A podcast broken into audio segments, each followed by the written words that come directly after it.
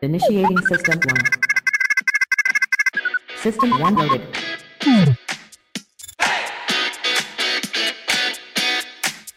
Ben je nou zo dom of is het niet? Waarom stel je dan deze vraag? Ben ik nou degene die zo slim is of ben jij zo dom? Nu ben ik weer de, de, de arrogante klootzak, de autoritaire klootzak. Ja goed, als je het niet begrijpt, sorry. Ho maar, ik heb het goed verwoord. Je mag het omschrijven, je mag nog je commentaar erop geven. Maar dat zijn allemaal domme vragen.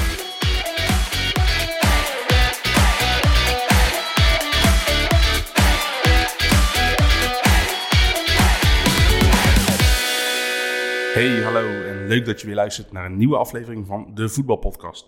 Mijn naam is Jimmy Driessen en ik zit hier natuurlijk weer met Sam Planting. Hi Jimmy. Hey Sam, Eh, ja, waar gaan we het vandaag allemaal even over hebben eigenlijk? Eh, de, we krijgen weer Champions League voetbal. En eh, de Premier League is begonnen. Er is veel gaande. Ja man, het, het, het is, het is- ik, vind het, ik vind het echt chaotisch dat mijn brein moet echt weer wennen aan alle wedstrijden die elke dag van de week er eigenlijk zijn. En ik, ik mis eigenlijk heel veel en ik, zoals ik vorige week ook al heb gezegd, ik, ik loop er nog niet warm van. Ik vind het niveau matig, geen sfeer. Ik bedoel, ik, ik ben een tv-kijker en ik begin nou toch het publiek wel te missen. Ja, en eh, het is daarnaast ook zo dat inderdaad het is rommelig. Want Ja. het is inderdaad het, het is dat er toch gehaast naar oplossingen voor die lopende seizoenen werden gezocht. Ik denk wel dat als we zo meteen die doorstart hebben, gewoon van de nieuwe seizoenen. Echt het nieuwe seizoen. Ja, dat zal dus om en nabij overal ergens in september zijn. Ik denk dat dan waarschijnlijk wel er iets meer logica in komt te zitten. Want het is bijvoorbeeld nu ook met de Premier League, wat wij vorige week ook aankondigden, van er is elke dag voetbal. Maar het is dus heel rommelig ook van om bij te houden van, nou ja, wat zijn de belangen? Hoe staat iedereen ervoor?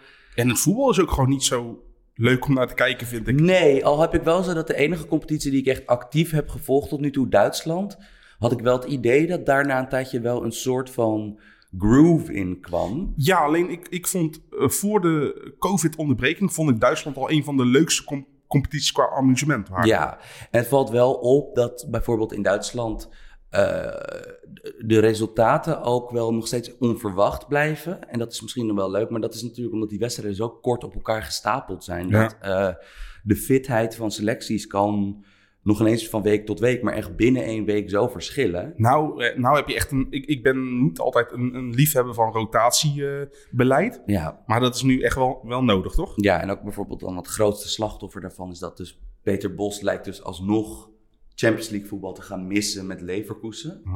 Want dat is wel een interessante van.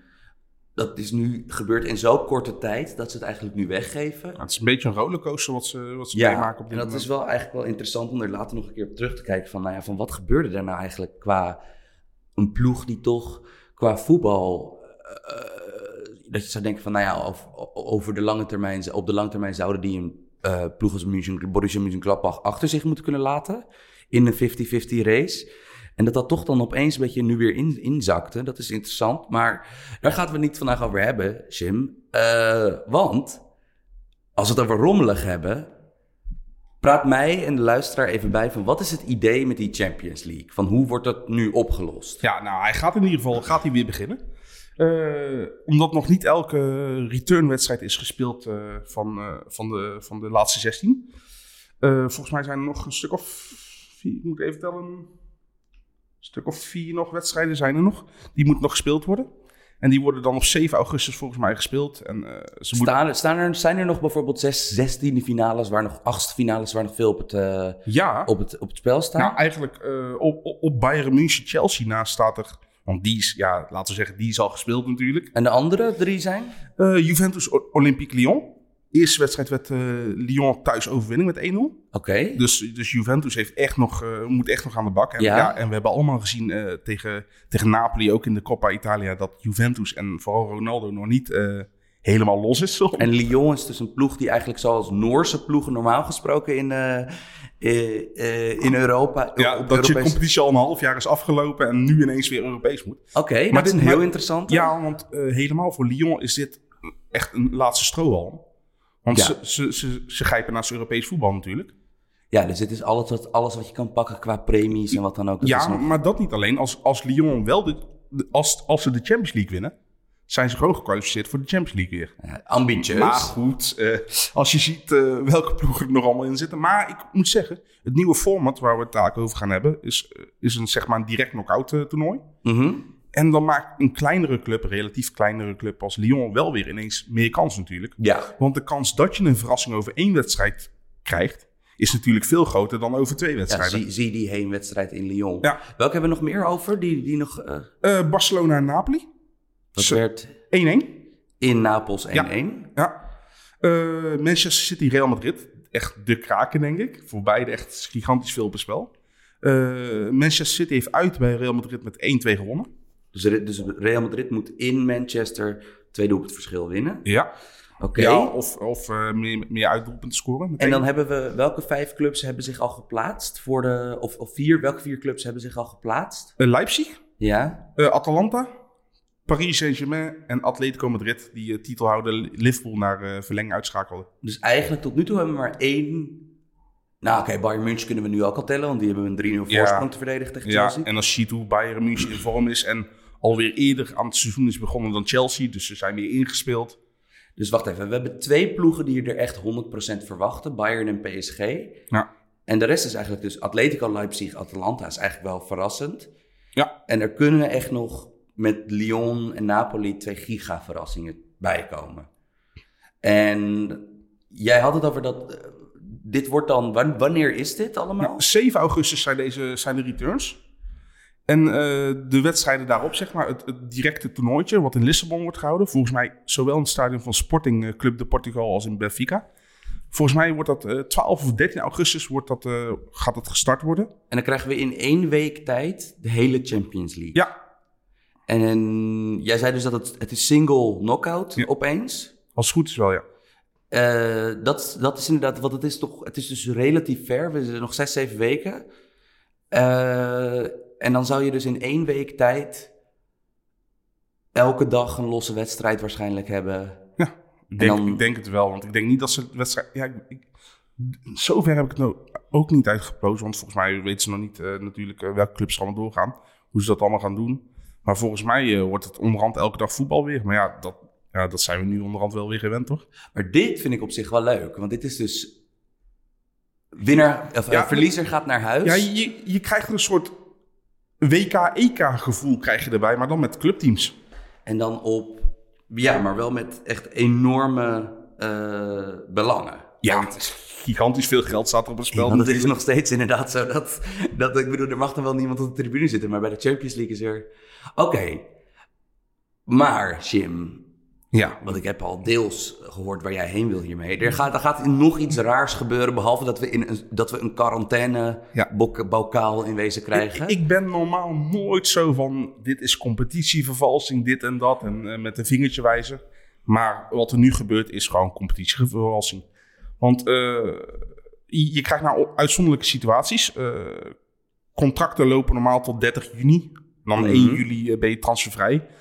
Eh, maar omdat natuurlijk dit toernooi pas in augustus gespeeld gaat worden... hebben sommige clubs best wel wat spelers die, die een keuze moeten maken van... verleng ik mijn contract met, met, met twee maanden of met een jaar bijvoorbeeld... of eh, ga ik weg met het, met het gevolg dat ze dus niet meer Europees uit mogen komen voor die club. En eh, het grootste voorbeeld wat je nu ziet is Timo Werner. Timo Werner had geen aflopend contract, maar had wel een clausule die verviel voor de dertigste. Dus eh, Chelsea heeft die getriggerd. En eh, ja, wat krijg je nou dus? Leipzig verliest in het belangrijkste toernooi, in de belangrijkste fase, verliest gewoon zijn belangrijkste aanvaller. Ja, dus wacht even, dit is wel... En, en, en het is zelfs zo, stel- stel voor dat Chelsea, het gaat niet gebeuren, maar ze hebben de upset van de week en ze verslaan Bayern München. Dan mag Werner ook niet met Chelsea meespelen. Oké, dat is wel een heel interessant Dus, inderdaad. dus, en, dus Werner is qua Europees voetbal voor 1920 klaar. en hebben we er nog een paar? Van zijn er nog Ja. een paar prominente Nou, slachtoffers van deze rol? Leipzig, Regel? Leipzig heeft best wel een probleem, want die hebben ook Angelino hebben ze nog gehuurd van Manchester City. En Manchester City kan ook denken dadelijk van, ja luister eens, we kunnen Leipzig kunnen we treffen. Ja, dus we gaan is- Angelino gewoon terugroepen. Want bijvoorbeeld Angelino, de ex-PSV'er Angelino voor de luisteraar. eh, Ja, de linksback. Die, die is echt goed bij Leipzig. Terwijl hij bij City... Hij kreeg wel een paar kansen, maar hij verzoopt daar een beetje. Ja, het en achter Sinchenko is hij eigenlijk gewoon echt de, de tweede linksback. eh, misschien zelfs nog derde als Mandy weer een keer fit wordt. Dus dan kan je echt de afweging gaan maken. Want het lijkt mij in de lijn der verwachting dat zo'n Leipzig door met zo'n jongen zou willen. Gewoon op permanente basis. Ja, ik, ik durf alleen niet te zeggen of er, een, of er een- ook echt een clausule bij zat. bij. Nee, en ik ben nu wel benieuwd dat als je City bent, dat dat van ja, uiteindelijk. Toch dat, dat, dat bijvoorbeeld dat zo'n Angelino, dat je die uiteindelijk toch wel weer kan slijten. Als, als, als de coronamarkt Ja, eh, een beetje wegtrekt Ja, of bijtrekt. Goede linksbacks zijn sowieso schaars, toch? Ja, en dan is het inderdaad de vraag van, ja, eh, toch één zo'n klap uitdelen aan een we- wellicht directe concurrent om in zo'n toernooi. Ja. Ja, is, is je dat die 5 tot 10 miljoen euro transferwaarde die je misschien misloopt hierdoor waard? Ja, dat is en- heel interessant. En, en wat is je moreel besef ook natuurlijk? ja, Van gun je zo'n jongen het beste en ben je niet bang voor hem? Dan, dan ben je een topclub natuurlijk. Of denk je van nee, we pakken hem gewoon lekker terug en eh Leipzig zoekt het maar uit. en er is nog wel een leuke, want eh, ja, ondanks dat, dat, dat ze werden gehaald in de, in de eerste eh, wedstrijd van de, van de achtste finales. Paris Saint-Germain zit dus nog in de Champions League. En die eh, hebben heel wat aflopende contracten. Ja, want dat is vrij bizar. Dat eh, Cavani en Thomas Meunier willen niet meer... Nee, die wil niet meer spelen. Nee, die willen gewoon per 1 juli weg. Wat hun goed recht is natuurlijk ook. Ja, en bijvoorbeeld Cavani is een spits die extreme successen bij Paris Saint-Germain heeft gehad, maar die er eigenlijk continu eh, ook ruzies heeft moeten voeren. Ja, en ze hebben natuurlijk met, eh, met Icardi hebben ze wel gewoon al een spits nu eh, definitief ook weer vastgelegd. Ja, want bijvoorbeeld Cavani heeft dus altijd in de schaduw van Zlatan moeten staan. Toen Zlatan weg was, produceerde hij als geen ander ongeveer. Ja, maar toen kwam er een jongen genaamd Mbappé. Ja, en het is dus wel, het is wel pijnlijk, want Thiago Silva die weg wil, die, we- die weggaat Ja. uit Parijs. En het is bijvoorbeeld dan ook nog de vraag of die ergens in Europa wil afbouwen of gewoon terug naar Brazilië Maar naar wil. Brazilië gaat, ja. Ehm, maar die heeft bijvoorbeeld, ik weet nog heel goed, dat was al een nieuwtje in mei, van dat hij in elk geval zijn contract verlengt voor die paar maanden dat de Champions League doorloopt. Ja. Ja, maar kijk, die zit natuurlijk ook eh, qua, qua leeftijdsfase een stukje verder alweer natuurlijk. Hè? Die gaat echt, echt afbouwen. Die, die zal 6, 37 al zijn. Nou, dat valt volgens mij. Maar, maar ik, ik, ik, ik, ik vind in elk geval. Ik vind het opvallend dat je binnen één selectie. spelers die je toch al een tijd met, met zo'n club associeert. dat dat dus zo uit elkaar kan liggen qua Ja. belangen. Ja. En dan. ja, maar uiteindelijk is het met de voetballerij ieder voor zich toch? Als het puntje bij paaltje komt. Ja, dus dat is wel heel interessant om te zien. Want Ja. het is dus. eh, voor, de, voor de financiële grootmachten die nog over zijn in dit toernooi, zoals City. Van die hebben nooit een aflopend contract. Ja, ik zat inderdaad transfermarkt even rond te schrijnen. En die hebben inderdaad geen aflopend contract. Eh, Barcelona heeft een aflopend contract, maar dat is van Arda Turan. Ja, Ja. Daar, daar, daar maalt niemand om bij Barcelona. Dus de grote clubs zijn wel een voordeel, behalve Paris Saint-Germain dan. Want eh, behalve de, de spelers die we al noemden, gaan ze ook twee grote talenten verliezen. Al eh, is eentje is al redelijk aan het doorbreken, dat is Tanguy Kouassi. Ja, En die gaat naar Bayern München toe. ja verde- lange Ja, verdediger. lange verdediger. Ja, Bayern being Bayern toch? Ja, en ook Frankrijk, being Frankrijk, Ja. dat, dat er de lopende band van topverdedigers die daar vandaan komen. Ja. De, de teller staat nu op 30, Het, 35 het is momenteel. zeggen dat Laporte nog steeds geen Franse international is. Maar die, dat andere, die andere jongen, dat is natuurlijk wel interessant. Ar- Dat is- Adil Aouish. ja, want die staat dus nu bij Frankrijk heeft momenteel in de onder 17's hebben ze weer zo'n generatie die, die Uitzonderlijk talent is Ja. En dat zo'n jongen dus niet te overtuigen op dit moment is. En ik bedoel, deze, deze gast had geen rol gespeeld in de. In, in, in, In de Champions League. Maar dat deze jongen dus niet. eh ze hadden dan. Ik, eh, als je de Franse media moet geloven. eh, had die technisch directeur Leonardo van Paris Saint-Germain. die had gezegd van. Oké, we willen je echt kosten wat het kost houden. Want wij hebben het hier wel vaker in deze podcast over gehad. Paris Saint-Germain is een club met een jeugdopleiding die je verwacht bij die club. Ja, alleen ze doen er heel weinig mee. Ja, want zeg maar, ze trekken de hele banlieue leeg.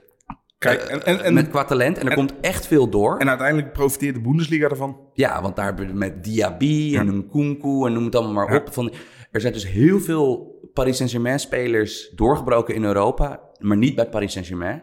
En het is natuurlijk wel voor de status van die club, is het wel extreem pijnlijk dat je zeg maar nu weer, Ja, want, weer twee parels verliest. want, want die, die Adil Aou- Aouish, Aouishische, Ja, die, die gaat waarschijnlijk zelfs gewoon een binnenlandse transfer maken. ja, Want Saint-Etienne is eh, concreet en hij schijnt daar zelfs al inderdaad op het complex geweest te zijn.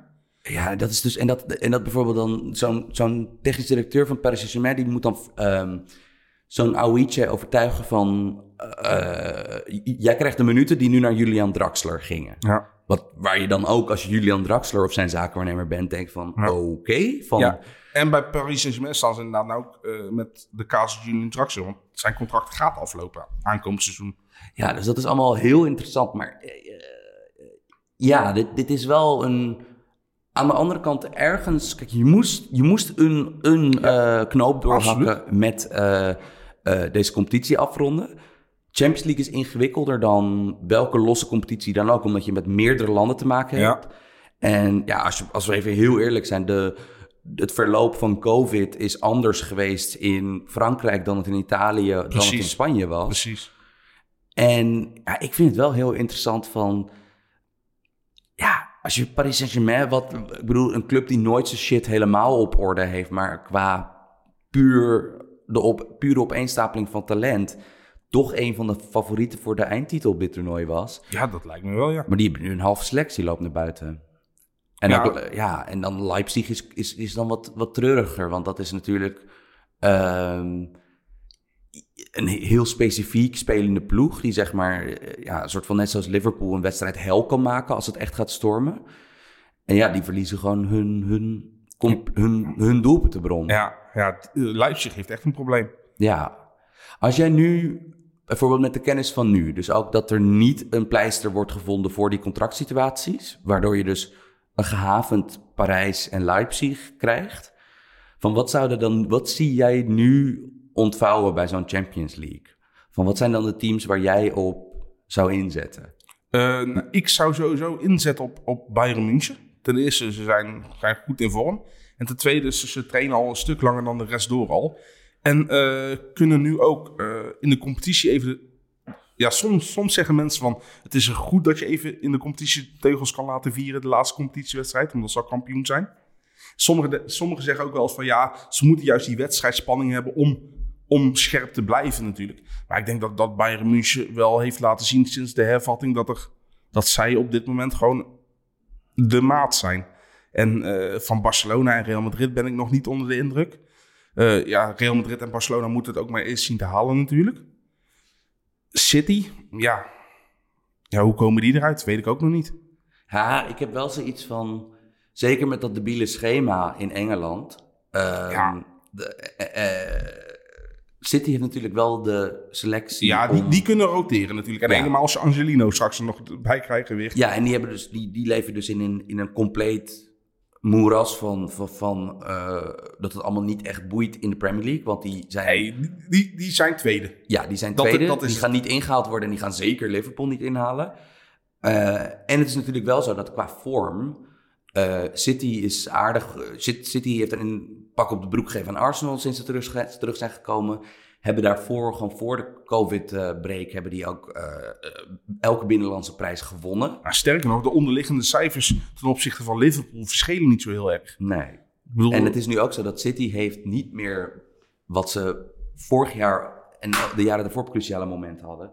Want ze hebben niet meer eh, enorm veel blessures, wat dan ook. Ja, en vorig jaar hadden ze, ja, worden ze ook, ook door een afgekeurd doelpunt, eh, gaan ze net niet door in de Champions League tegen Spurs. Ja. En, en dan hadden ze daarna tegen Ajax goed. En dan zag ik ze ook gewoon de finale halen. Ik denk dat dit ook wel eens het jaar van City kan worden. Mhm. Alleen ja, ik, ik ben gewoon heel erg onder de indruk van, van Bayern München. Ja.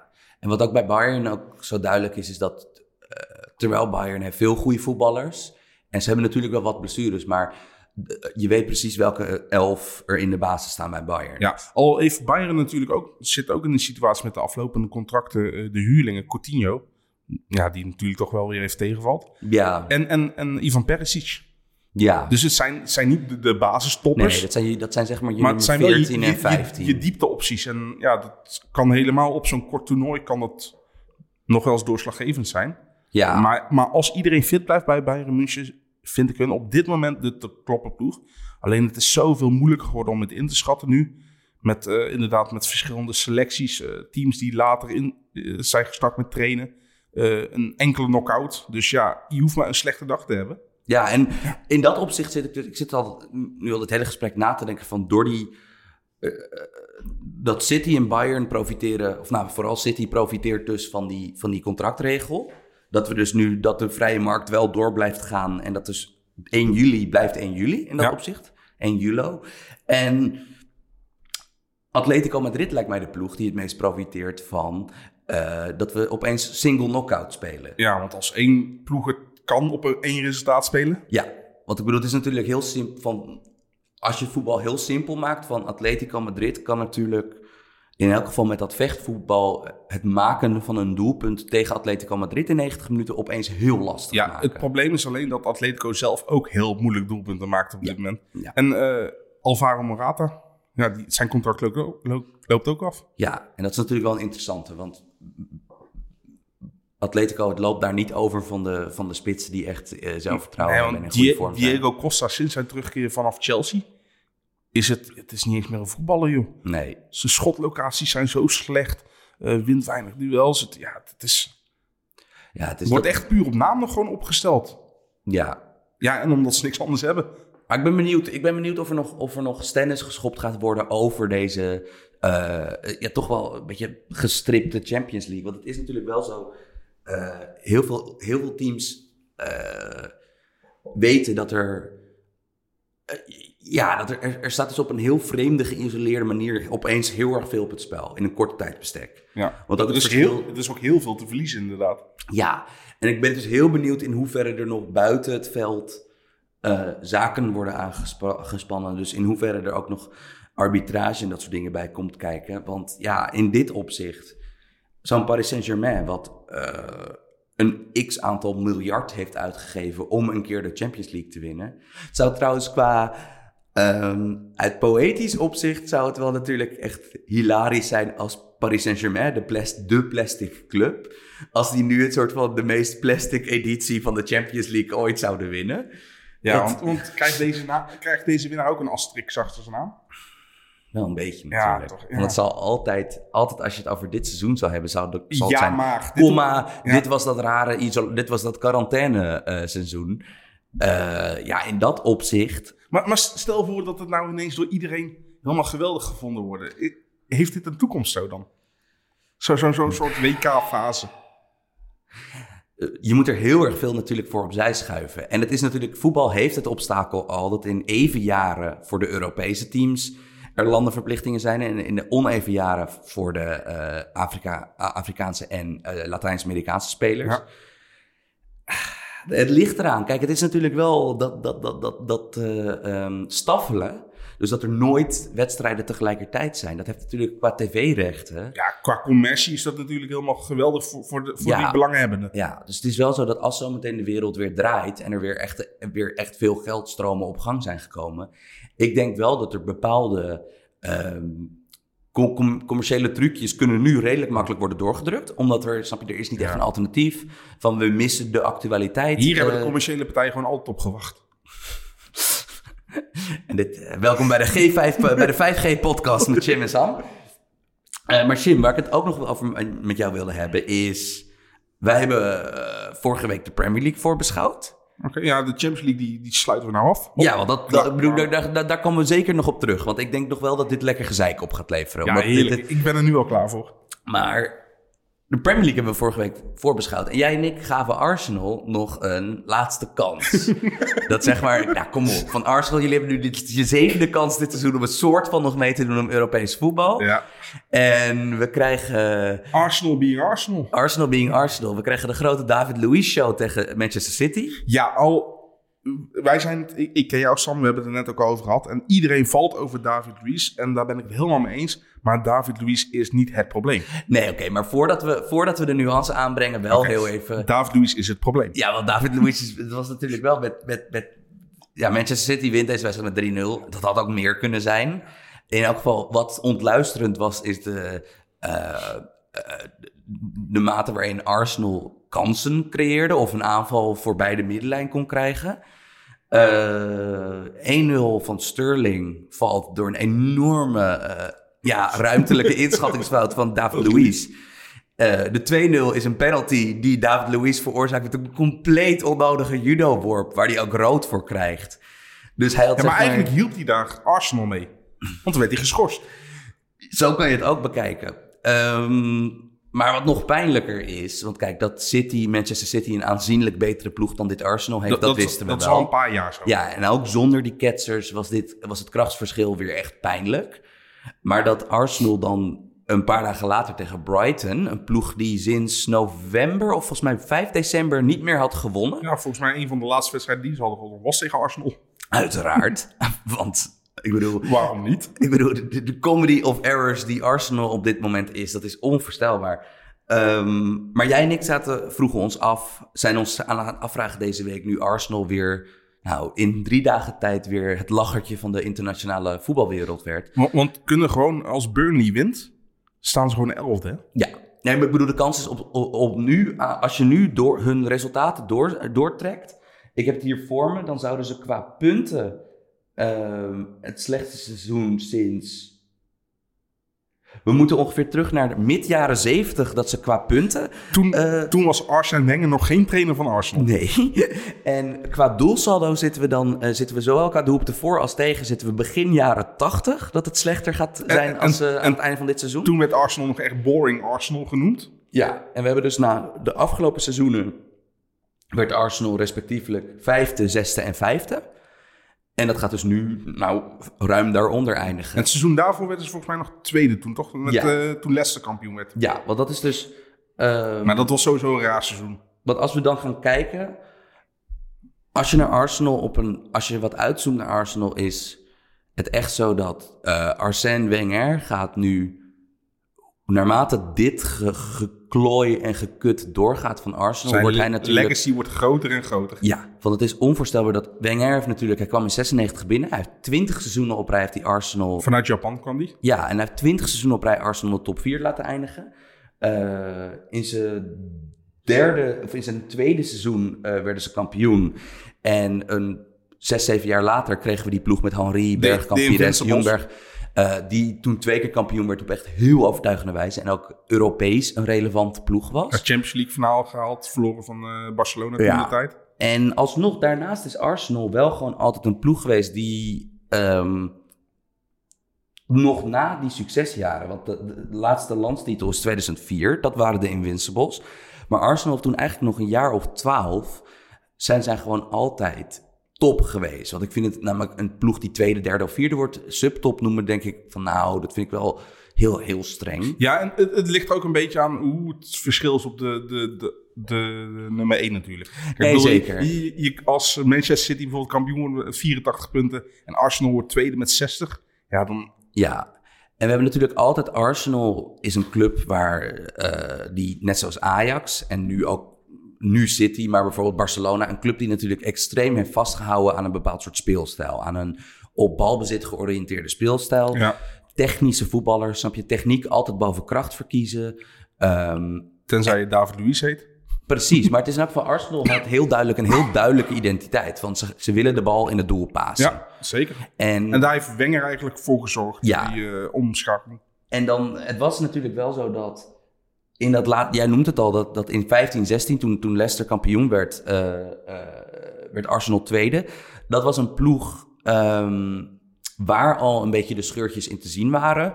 Maar Arsenal had toen voor het eerst in heel lange tijd besloten toch weer mee te doen met het grote geld. Ja, big spender zijn. ja. En die hebben toen wel twee spelers binnengehaald die toen een paar jaar lang een enorme impact hebben gehad. Met Mesut Özil en Alexis Sanchez. ja. En dat zijn ook denk ik de laatste twee echte topspelers die ze hebben gehad. ja, die, die al top waren toen ze binnenkwamen. Ja, en natuurlijk heb je nu met Aubameyang heb je eh, ook nog wel een speler uit die categorie. Maar ik denk dat we daar, als we even gaan kijken van wat, wat is er nou aan de hand met Arsenal, dat we daar, eh, als we Aubameyang pakken, denk ik dat we het staartje hebben gevonden van het probleem dat we de, zeg maar, de muis uit het afval kunnen trekken. Want het is namelijk dat in het laatste jaar dat Wenger er zat, die zich ook zorgen maakte over eh, het, de toekomst van de club, ook omdat Wenger En nou blijkt eh, niet onterecht. Precies, want Wenger was op elk niveau in de club extreem betrokken. Het was dus een, een manager die, hij was behalve hoofdtrainer ook in wezen in werkelijkheid technisch directeur. Ja. Eh, hij bemoeide zich heel erg met de scouting. Hij bemoeide zich heel erg met welke jeugdspelers Uh, Wenger voor was Arsenal eerste. en Arsenal was Wenger. Exact, maar ook wel misschien... Je zou ook kunnen zeggen dat het misschien in de laatste jaren te werd. Dat een, een man die een Premier League team moet het is overzien... natuurlijk- Het is er naartoe gegroeid natuurlijk, want hij zit er al zo lang. Ja. En dan krijg je meer macht en meer macht natuurlijk. En rond 15, 16, en dat is natuurlijk al een jaar of twaalf geleden echt ingezet. Of als je, als je Abramovic wilt tellen, misschien al bijna ruim 15 jaar geleden ingezet. Maar het grote geld in Engeland was natuurlijk bij Chelsea eerst en later bij City en United natuurlijk. eh, woedde al echt. En Arsenal is toen eigenlijk in dat laatste jaar van Wenger heeft hij twee speeltjes gekregen. Want hij, had dus altijd, hij is altijd blijven doorontwikkelen. Er waren al steeds vaker rare transferketsers. Eh, denk aan, eh, nou ja, bijvoorbeeld Debussy is een, is een voorbeeld wat naar voren komt. Chamak. eh Shamak, ja. eh, ja, ja, Sano, Sano goal die we hier in Ajax nog hebben uitgelachen. Dat was ook gewoon ooit een Arsenal aankoop. Maar er zijn, er zijn gewoon redelijk veel vreemde eh, spelers gehaald. Dus er zijn heel veel spelers gehaald voor niet te veel geld, maar bij elkaar is het een hoop geld. Exact. Maar toen, in die laatste Wenger-jaren en wat er daarna is gebeurd, is dat Arsenal heeft de keuze gemaakt om in plaats van een soort, bijna een soort van atletiek Bilbao van Engeland te worden, waar je gewoon denkt van oké, we hebben een heel sterke jeugdopleiding, we hebben een heel duidelijke speelstijl. Eh, wij zien nu opeens grote spelers aan de casinotafel komen met een heel andere portemonnee dan de onze. Het Arsenal toen besloten mee te gaan doen. En de, het pijnlijke is, is dat Wenger kreeg twee speeltjes. Aubameyang en Alexander Lacazette, Lacazette, ja. die al jaren toen een van de betere spelers in de Franse competitie was, bij Lyon. En er is één probleem, Jim. Volgens mij weet je dat wel. Spelen op dezelfde positie. Ja, en Arsenal speelt al. Wenger heeft ooit wel met twee spitsen gespeeld, maar dat deed hij al, al tien jaar niet meer. En als we vanaf daar gaan kijken. Het seizoen daarna, eh, dat Wenger eigenlijk dus eh, eh, vervangen moest worden, kregen we met Arsenal deden een paar enorme investeringen in spelers die ja, gewoon echt niet thuis horen in de Premier League top. Bijvoorbeeld dan heb je het over Skrodan, Mustafi, Mustafi, ja. eh, Granit Xhaka. Nou ja, die hebben ze allebei nog steeds niet kunnen lossen. Socra- Socrates, uh, Papastotopoulos. Zeker. Lucas Perez, die ondertussen al, die, die is volgens mij binnen een jaar is die, is die, is, is, is die met een bezem weggejaagd daar. Van dat zijn allemaal, Arsenal is met dat grote geld een soort van blijven meedoen. Terwijl ze dus Nou, ze- nooit... Ze, hebben dezelfde middelmaat gehaald als dat ze hiervoor deden, alleen voor een hoop meer geld. Ja, want het was, er was op de een of andere manier nooit het besef gekomen bij die club van, nou ja, wat we kunnen halen op de transfermarkt is niet per se beter dan wat er in jong Arsenal of in Arsenal onder 19 rondloopt.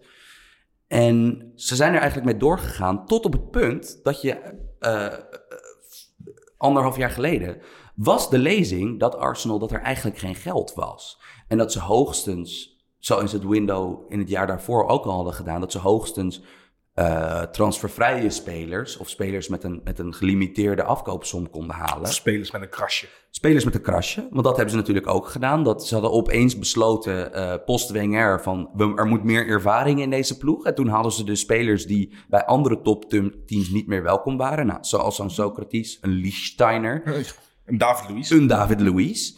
En eh, je ziet dus nu al dat, dat in de vijf, tien minuten dat, dat wij nu aan het praten over Arsenal zijn, dat er heel erg veel denkstromingen zijn gekomen binnen één en dezelfde selectie.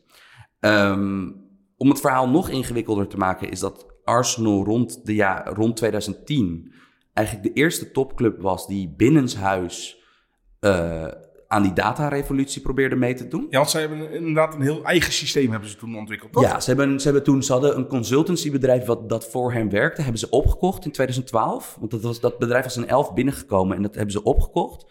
En eh, zij liepen toen eigenlijk qua data-analyse voor, Voor. op de rest. Maar eh, er worden, het is wel zo geweest dat ook Arsenal is de eerste club geweest die ook met dat anti-data-sentiment te maken kreeg. Want eh, er werden wat vreemde spelers gehaald. Ja, niet aansprekende namen en zegt van wat moeten we hier nu Wat mee? moeten we hier nu mee? En daarnaast kwam er dus ook door partijen binnen de club... werd er naar buiten gelekt van... ja, maar die eh statistieke mannetjes... die hebben ons Griezmann afgeraden. Want die zou, niet, die zou bij Sociedad niet de prestaties hebben... die ze zouden vertalen naar een topclub. Nou, dat is bij Atletico Madrid toch net iets anders gelopen. En een nog pijnlijker is dat zij eh, heel lang Kevin De Bruyne hebben gevolgd. En dat zij toen eh, City uiteindelijk die toptransfer De- deed dat- met Wolfsburg. Dat zij bijvoorbeeld op, a, op afraden van het statistiekenbedrijf hebben zij dus zijn, zijn zij niet in die. En, eh, en dat was al toen hij al bij Chelsea speelde? Of was dat toen nog bij Genk? Nee, dat was dus in die Wolfsburg-periode. Oh, en dat is dat dus door vitheidsvraagtekens bijvoorbeeld Arsenal daar afhaakte. En Arsenal is dus een echte wat-als club geworden. Mhm. Want dat is een beetje hetzelfde als, denk aan Ajax en PSV in de jaren dat het Nederlands voetbal wegzakte. Dat we ongeveer bij elke half goede speler die in Europa speelde, dat je dan hoorde, ja, maar die had, bijna, die had bijna bij Ajax kunnen spelen. Of die, ja, van PSV was daarmee bezig, maar toen kwam er een duurdere club. En dat heeft Arsenal dus nu al een hele tijd. Ehm, ondertussen is het, sinds Wenger weg is, is het een puinzooi in de bestuurkamers. Dat bijvoorbeeld Sven Mislintat, een scout die ehm, werd gezien dat zeg maar een van de, een van de geheime wapens van het Dortmund, van Klopp, Dortmund, ja. eh, die is daar eigenlijk al in een paar jaar tijd weggegaan. Ja, dat was echt moddergooien was dat, hè? Ja, eh, ondertussen is ook bijvoorbeeld dat die data-analysten zijn alweer de deur uitgeschopt. Eh, en nu is, lijkt het, als je de verhalen moet geloven, als je bijvoorbeeld de verslaggeving in de Athletic en in de Britse pers volgt, is Raoul Sanlehi. eh, die, En wie, is dat? ja, dat is een, een man die binnen was gehaald als eerst als hoofd publieke relaties. Het is een voormalig TD van Barcelona. Maar dat schijnt nu de man te zijn die uitvoerend aan de knoppen zit. En dat is dus nu weer een traditioneler voetbal iemand. En dat is dus ook weer, als je dan kijkt naar Arsenal's eh, aandacht voor opeens weer veteranen. Of dat ze dus in een eh, periode waarin ze zeiden, ja, er is geen geld. Dat ze 80 miljoen betalen voor Nicolas Pepe. Een speler die één goed seizoen bij Lille in de Franse competitie heeft ge... Ja, al moet ik zeggen, ik was van, van dat seizoen was ik wel overtuigd van Nicolas Pepe. Ik vond hem echt geweldig. Ja, hij was sensationeel. En het was, hij had zeg maar, hij was één seizoen bij Lille, was hij, eh, ja, wat Tadic zeg maar, in het eerste jaar bij Ajax. had. Ja. Dat, dat hij dus elke wedstrijd bij een goal betrokken was. Alles wat hij aanraakte veranderde in goud. Ja, maar aan de andere kant moet je wel weten dat als je een, een rijke club zoals Arsenal zou niet 80 miljoen, die, die moet beter weten dan 80 miljoen neerleggen voor een speler die Maar, dat een zijn- al- anderhalf jaar daarvoor nog anoniem was. maar ze zijn in paniek. Ja, en het is dus, het gaat alle kanten op. En als we dan kijken naar voren, want bijvoorbeeld nu heel veel van de, van de, van de ja, toch wel dure fouten, dat ze bijvoorbeeld twee dure spitsen in één selectie hebben, die allebei op piekleeftijd zijn. Ja, ja en, en Aubameyang is zeg maar al aan de andere kant van 30 beland. Ja, en ze hebben natuurlijk een snoeidure, ja, echt harde miskoop in PP. Eh, ze hebben Eusiel die... Özil speelt niet, maar staat wel onder contract. Ja, die niet meer miljoenen. voor de club wil spelen. Ja. En die heeft nog een jaar doorlopend contract. En ik bedoel, als er dus niet een club uit China of de Zandbak zich meldt... heb je dus een van de topverdieners in de Premier League Ja, maar, bij je China, club zitten. China die, gaat eh, sowieso niet meer voor hem melden, want daar is volgens mij voor, voor buitenlanders is daar salary cap voor 3 miljoen. Ja, dus het is, het is heel erg de vraag hoe dit opgelost wordt. En dan, als je eigenlijk dit hele moeras bekijkt, van dat er dus ook, eh, nou ja, Emery werd gehaald als opvolger van Wenger. En dat bleek al heel snel gewoon niet te kloppen. Van ook bijvoorbeeld dat hij geen Engels sprak. Er zijn ook op het, op het inhuren van Emery zijn heel veel mensen achter de schermen geslachtofferd. Ja. Maar, maar ga er nou ook eens aan staan, Wenger opvolgen. Nee, net, dat zo- zeker. net zoals met Sir Alex Ferguson opvolgen. En maar het is bijvoorbeeld nu de vraag van waar ga je naartoe? Want als je dan kijkt naar alle dure, dus echt de duurste grapjes in de selectie zijn allemaal voorin. Terwijl dan de spelers die doorbreken eh, uit het jeugdefval, dan heb je eh, Martinelli, een Braziliaanse spits. Je hebt Bukayo Saka, een linksbuiten, die Ja. ook wel eens linksback kan spelen, maar ook dus een aanvaller is. Je hebt Reece Nelson, een jongen die als huurling bij Hoffenheim heel goed was. Eh, en je hebt Eddie Nketiah, een Ja. jongen die ze hadden verhuurd aan Leeds. Ja. En die daar dusdanig goed was dat ze dachten, nou, die moeten we weer terug hebben. En het is dus ook heel ingewikkeld van alleen al de beslissingen die Arteta nu maakt. En het lijkt er wel op dat Arteta, eh, eh, die dus jarenlang bij Arsenal heeft gespeeld, gespeeld, ja. onder Wenger eh, de leider in het veld was. Ook bij City volgens mij als assistent is geweest. Zeker. Hij was dus zeg maar de uitvoerend assistent van, van Guardiola. Dat lijkt al meer een trainer te zijn die je zou verwachten bij een rebuild. Maar het is dan wel de vraag van, krijgt deze man de ruimte om een paar jaar met een jong elftal slecht te zijn. En dat die dus niet gedwongen... Ja, want Wenger heeft het ook gehad, alleen dat waren andere tijden. Niet alle ogen waren toen op Arsenal gericht. Nee, en dat, ik denk ook niet dat als je nu kijkt naar hoe goed een Leicester is, hoe Wolves is, Ja. eh, ook een Tottenham, wat dan nu wat minder jaar heeft. Maar dat de subtop in, in Engeland is Die staat niet Groot. stil. Ja. En dus dat, ja, dus als je dus een paar jaar moet gaan herbouwen, betekent dat dus geen Europees voetbal. Maar ja, ik ben dus benieuwd in hoeverre dit nog goed komt. Want bijvoorbeeld dus zo'n PP halen voor 80 miljoen. Dus dat je, dat er dus de, dat je de hele tijd zegt, dat je de hele tijd via eh, reporters al jarenlang laat uitleggen. Ja, er is hier eigenlijk geen geld. We hebben moeite met die eh, fair play regels. We moeten onze filosofie weer gaan heruitvinden bij onze club. En dan eigenlijk gewoon gelijk 80 miljoen trekken voor een talent Ja, wat en dan toch een soort van om, de, om, om, om in de wapenwedloop in Londen. Ja, ook een soort crowd pleaser lijkt het Ja. wel ook. En het is dus, ik ben dus heel benieuwd. Want het is nu, als je het verschil in kwaliteit ziet tussen Arsenal en een echte topploeg. Dat is heel groot. En het is Arsenal nog een topploeg? Ja, alleen als je heel hard bent. Alleen in financiële zin. Ja, en qua naam? Ja, en dat is dus eh, heel opmerkelijk. Dat, dat dus dat eigenlijk vanaf het moment dat eh, Wenger daar wegging. Dat er dus zoveel stromingen door elkaar liepen bij zo'n club. En dat dat dus ook ondertussen. Dat er niet wordt ingegrepen. eh, Dat is apart. Maar dan als je bijvoorbeeld kijkt naar van, oké, van wie is Arsenal nu? En dat je dan bijvoorbeeld ziet dat dat eh, door een Amerikaanse multimiljardair genaamd Stan Kroenke, eh, dat dat dan de man van het geld is. En een van de rijkste Amerikanen. Het is Ja, een, ver- vertel wat meer over hem. ja, het is een vast. Het is een, een man die ooit getrouwd is met een van de erfgenamen van Walmart. De Amerikaanse supermarktconcern. Ja, en hij heeft eigenlijk ehm, door de landgoeden rondom de, alle Walmarts. En natuurlijk elk half dorp in Amerika heeft een gigantische Walmart. Ja. De grond waarop Walmart staan is, zijn van hem. Is van hem meestal. Hij is een van de tien grootste landbezitters in Amerika. Hij heeft met zijn entertainment group, want hij is dus nadat hij zijn miljarden heeft verdiend in het vastgoed, is hij in de sportwereld gaan zitten. Hij heeft, al, zijn holding company heeft bij zo'n tien Amerikaanse profploegen eh, groot, eh, groot aandeel. Ja, bijvoorbeeld de Los Angeles Rams van het Amerika voetbal. Ja. De Denver Nuggets in het basketbal. Ja, en ook nog in het ijshockey. Maar bijvoorbeeld bij de, in het American voetbal, wat toch de sport is in Amerika, heeft hij bijvoorbeeld al laten zien dat het totaal niet iemand is die meegaat in de nukken van fans. Want hij heeft dus, Eh, het is echt een speeltje voor hem. ja, hij heeft de Rams die in St. Louis, wat een, een grote mid- middel-Amerikaanse stad is, Grote sportstad ook. heeft hij gewoon de, het profteam laten Ja. verhuizen naar LA. Ja, ja in, in Amerika is eh, relocation, zoals dat wordt genoemd, is wel vaker, eh, vaker eh, vanzelfsprekend. Ja, maar het wordt, dat wordt niet door de, door de miljoenen fans in St. Louis die een American voetbalteam hadden, wordt dat natuurlijk niet echt als want Stel voor, je, jij bent Rotterdam je bent voor Feyenoord. En er komt een rijke eigenaar die zegt Feyenoord, ja, we gaan in Groningen spelen. Ja. En dat is dus in wezen wat, wat deze man in eigen land eh, eh, gewoon hoe die, hoe die te boek staat. Hij geeft geen een- ene fuck om de achterban. Nee, en ook dus een man die zo rijk is dat zeg maar ook eh, dat heel veel wetten die, die, die dit soort dingen beteugelen ook niet echt van hem, op hem van toepassing zijn. En nou ja, je moet dus nadenken dat,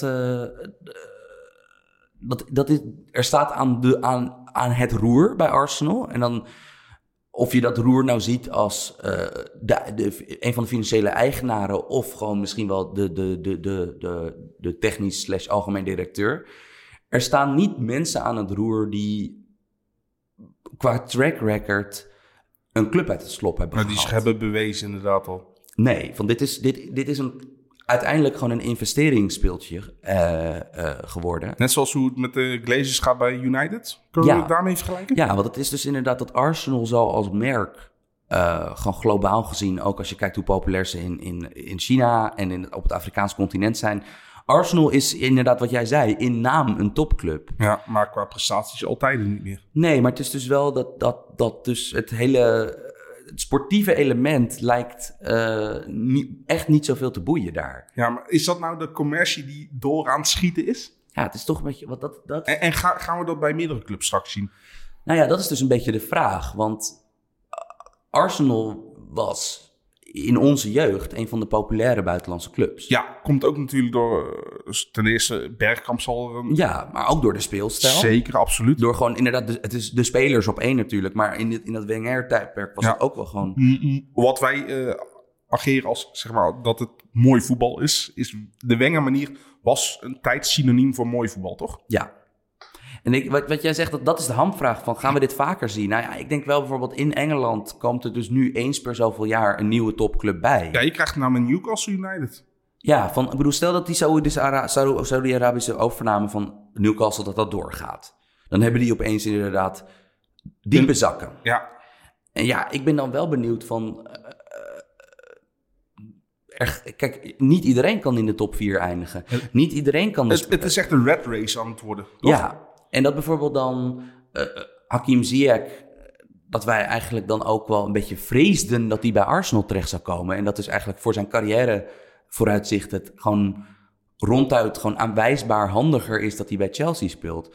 Ja, dat is wel, dan zie je ook dat Arsenal qua status echt heeft moeten inboeten. Ja, Van dat, dat, dat, gewoon- Arsenal is qua, qua, denk ik, qua toegankelijkheid voor grote spelers niet meer de, de club in Londen. Nee, dus dat is... Dat, dat is En al helemaal niet meer in Engeland natuurlijk dan. Nee, en ik, ik ben dus wel benieuwd van... Ik bedoel, er is een enorme infrastructuur rond zo'n club. Er zitten dus... Post-corona zitten er 80.000 fans altijd op de tribune. Eh, ze kunnen enorme con- tv-contracten afsluiten. Ik bedoel, eh, er worden miljoenen shirtjes verkocht. Noem het allemaal maar op. Het is een groot merk. Ja. Maar als je kijkt naar wat er intern nu nog is... Je moet wel met verstandige mensen verstandige dingen met geld doen. Ja, want het is dus... Je moet dus ongeveer van... Arsenal zit nu op het punt waar Feyenoord ooit na die 10-0 zat. Ja. hey, en, en stel voor, eh, jij bent de, de man van Arsenal, even hypothetisch gezien. Welke vier spelers zou jij wel echt willen behouden voor Arsenal? Ik denk die jongens die ik net noemde allemaal. Dus dat je, echt, dat je dus echt op dat heel lange termijn moet kijken. Dat je dus echt moet kijken naar wat heb je in de categorie 19, 20, 21-jarigen. Ja, en dan echt gewoon even uitzitten en bouwen, Ja. bouwen. Maar kan een topploeg, althans, ja, Arsenal topploeg, kan een topploeg in het hedendaagse voetbal nog wel bouwen? Nou ja, dat, dat is dus inderdaad een, dat is in, bij Arsenal een, interessant, eh, een interessante casus. Van dat is dus, je kan met Arsenal gaan kijken van de route via gewoon extreem goede spelers kopen in Frankrijk die niemand anders doorheeft, die bestaat niet meer. Dat hebben ze twintig jaar geleden als geen ander gedaan. Ja, maar dat heeft de Bundesliga overgenomen. Precies, er zijn, er zijn nu veel meer slimme clubs. Ja. Arsenal is, ik denk dat dat ook een goede afsluiter is. Van, op, dat dat een beetje het antwoord op jouw vraag kan worden. Van, kan je nog in het internationale topvoetbal bouwen? Ja, weet, je, weet je wat was? Arsenal was een van de eerste die eh, gebruik maakte van de globalisering. Alleen ze zijn nou slachtoffer geworden van de globalisering. Ja, nee, dat is een heel goed punt. Van dat, dat, dat is, het, het, is, het is vreemd om te zien, maar een, een ploeg die zeg maar... Het was zo vanzelfsprekend nog geen 15 jaar geleden dat je in Nederland, maar waarschijnlijk ook in Duitsland of Spanje, waar, waar dan ook ter wereld, dat bijvoorbeeld jouw, jouw, naast jouw lokale club was je fan van een Arsenal. Ja. Terwijl dat nu begint dat toch altijd meer. Het is nu cult om dat te doen. Van als je nu nog steeds. Ja, als je niet bent. van winnen houdt en niet van prijs houdt, ben je voor Arsenal tegenwoordig. Ja, maar ik ben bijvoorbeeld heel benieuwd van waarom zou nu nog een 14-jarig jochie of een 11-jarig meisje wat voetbalgek is, waarom zou die in vredesnaam nu nog Arsenal als buitenlandse club Want die heeft? Arsenal nooit kampioen zien worden. Nee. En dat is dus, dat, ik vind dat heel interessant. Dus we gaan zien of ze kunnen bouwen. Want ze hebben één ding spreekt voor ze. En dat is dat ze een extreem goede jeugdopleiding hebben. Ja, ja, en die historie. Je kan toch altijd mensen nog overtuigen met een goede historie. Dat, dat, dat blijft, dat blijft iets, iets magisch binnen voetbal, toch? Ja. Nou, in ieder geval, eh, ja, ik denk dat wij eh, vooral volgend seizoen eh, Arsenal met, met een brede blik gaan volgen. En, Ja. Hopelijk wordt het een mooi project. Ja. Zullen we anders Arsenal eh, eh, tot, een van de, te- tot een van de kinderen van de voetbalpodcast maken voor volgend seizoen? Want ik vind wel dat we iets vaker onze nek moeten Ja, uitsteken. ik ik qua- weet dat het ook al een beetje geadopteerd kind is van neutrale kijkers. Want daar hebben ze natuurlijk ook een hele eh, aflevering over Arsenal gehad. Dus misschien kunnen we wel een soort, soort convenant beginnen van wij zijn de Arsenal adopters. En eh, ja, ik, ik heb voor de rest niet zo heel veel met Arsenal. Moet ik, dat, moet ik mijn principes ook maar gewoon opzij zetten voor dit? Voor het grotere goed? Wat is, wat, heb jij een club in Engeland? Nee, niet echt. Ik, ik heb sowieso niet echt clubs in het buitenland. Dan ga ik meer voor spelers. Dus nee, ik, ik, ik, ja, ik, ik kijk zoveel mogelijk voetbal. En ik, ik heb altijd wel een favoriet binnen een wedstrijd, maar niet binnen een seizoen. Nou, ik heb ook, ik heb bijvoorbeeld, mijn, mijn, mijn club in het buitenland is altijd Atletico Madrid geweest. Ja, die, Maar shit, die shithouse past ook wel bij jou. Maar, maar ik moet wel toegeven dat ik ergens altijd heel erg veel sympathie heb gekoesterd voor Arsenal.